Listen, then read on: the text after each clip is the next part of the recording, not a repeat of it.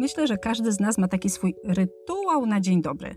Sama jestem typem sowy i przyznaję, poranne wstawanie sprawia mi sporo problemów, ale idę o zakład, że niektórzy z Was właśnie rano są najbardziej aktywni i dajmy na to, od razu wskakują w dres i bach, ruszają na obowiązkową przebieżkę.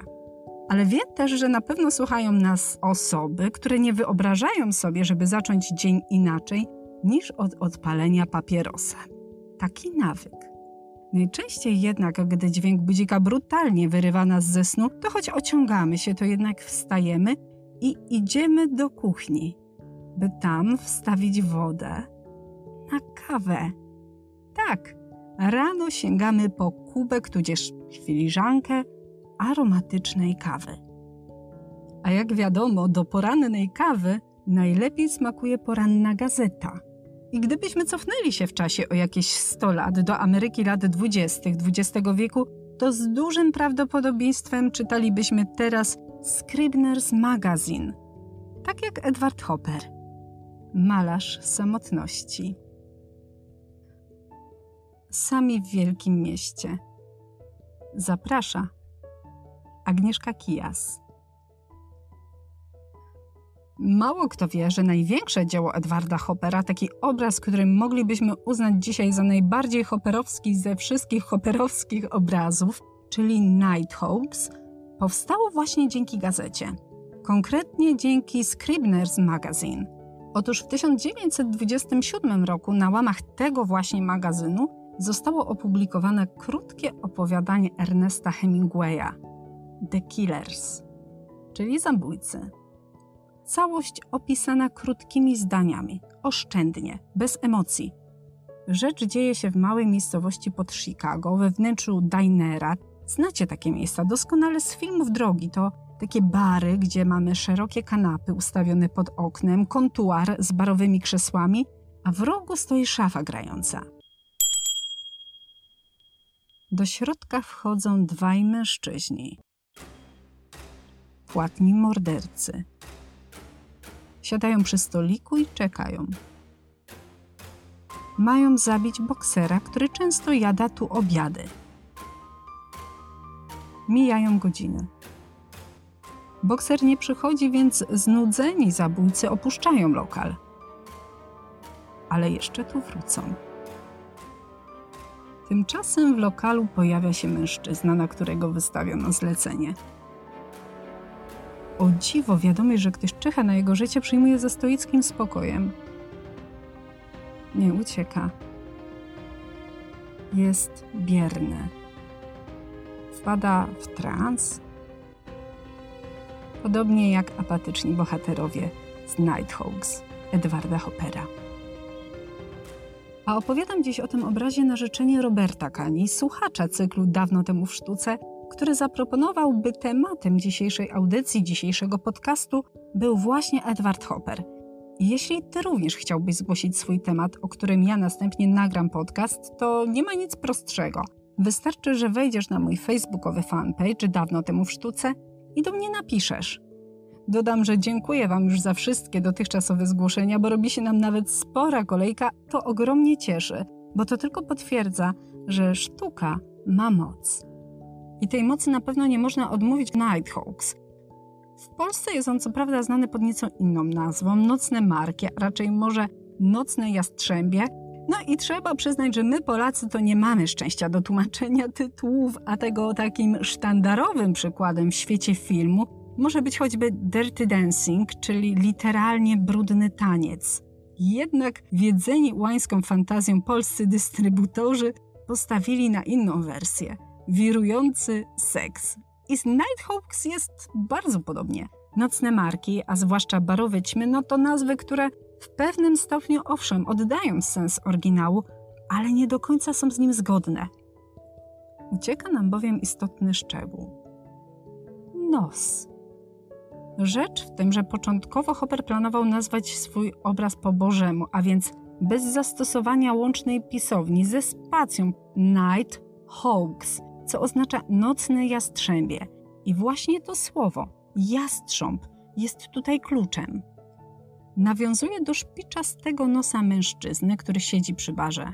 I u Hoppera nie ma przypadku, a scena w nocnym barze została precyzyjnie zaplanowana. Nos również. Nim powstał obraz, artysta wykonał wiele szkiców przygotowawczych. Koncentrował się zarówno na wnętrzu, na postaciach, ale i na detalach.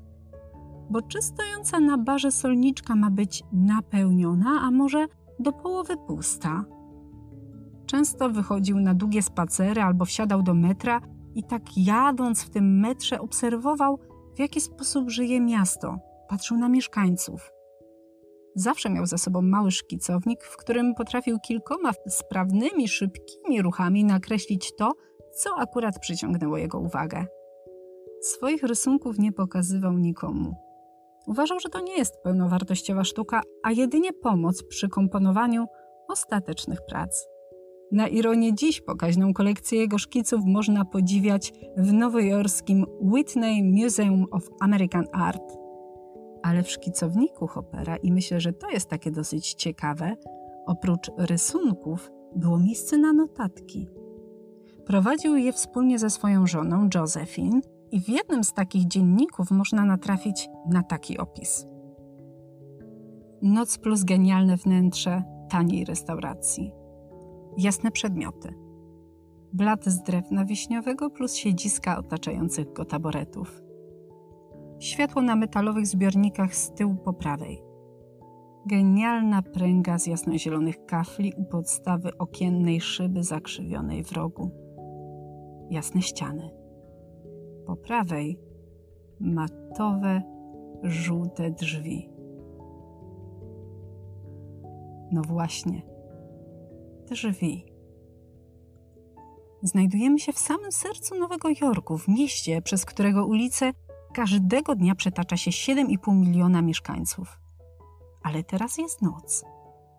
Ulice są puste. W oknach domów nie świecą się światła. Tylko tu, w jednym z barów na Greenwich Avenue, wciąż tli się życie. Nie wiemy, czy to miejsce, w którym chcemy być, czy może raczej wolelibyśmy go unikać. Ale jakie to ma znaczenie, skoro do tego baru i tak nie da się wejść? Brakuje drzwi. To jeszcze bardziej podkreśla izolację siedzących w środku osób. Widzimy ich przez ogromną szybę. Pomiędzy nimi nie ma żadnego kontaktu. Nic więcej się nie wydarzy. Wiemy, że para przy barze nie zacznie namiętnie się całować i choć on i ona siedzą blisko siebie, choć trzymają się za ręce, to nic ich nie łączy. Pogrążeni we własnych myślach, zasępieni, zamknięci w sobie. Oj, gęsto tu odznaczeń od niewypowiedzianych słów, zaniechanych gestów. Hopper po mistrzowsku gra na naszych emocjach i pokazuje nam tylko mały wycinek szerszej historii, a w nas rodzą się pytania – co spowodowało, że kobieta i mężczyzna w środku nocy siedzą w taniej restauracji i popijają kawę. Nie ma drzwi. Nie potrafią się wydostać? To może zastanawiać, ale sam Hopper nigdy w ten sposób nie patrzył na swoje dzieła.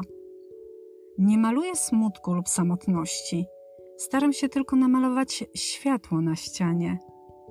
Tak powtarzał. Jeden dziennikarz nie dawał za wygraną i uparcie pytał artystę, czego w takim razie szuka.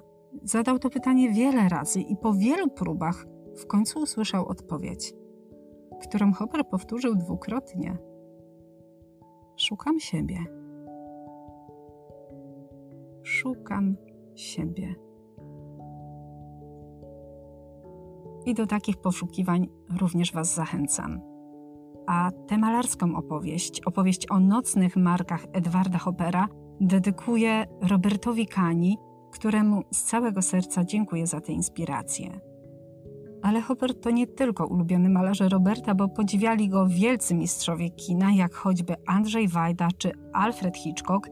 I o tym opowiadałam Wam w minionym tygodniu w podcaście Malarskie filmy, które musisz zobaczyć. I jest on oczywiście dostępny tutaj, na dawno temu w sztuce – jeśli jeszcze go nie słuchałeś, zachęcam, bo być może wieczorem po wysłuchaniu recenzji sięgniesz po któryś z tych filmów. Właśnie w ten sposób zakończysz sobie wieczór z Hopperem.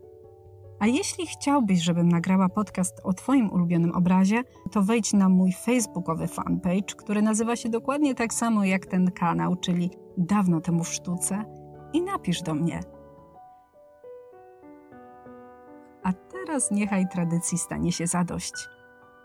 Niech na finał zagra nam Hania, Hania Derej, młoda kompozytorka z Tychów.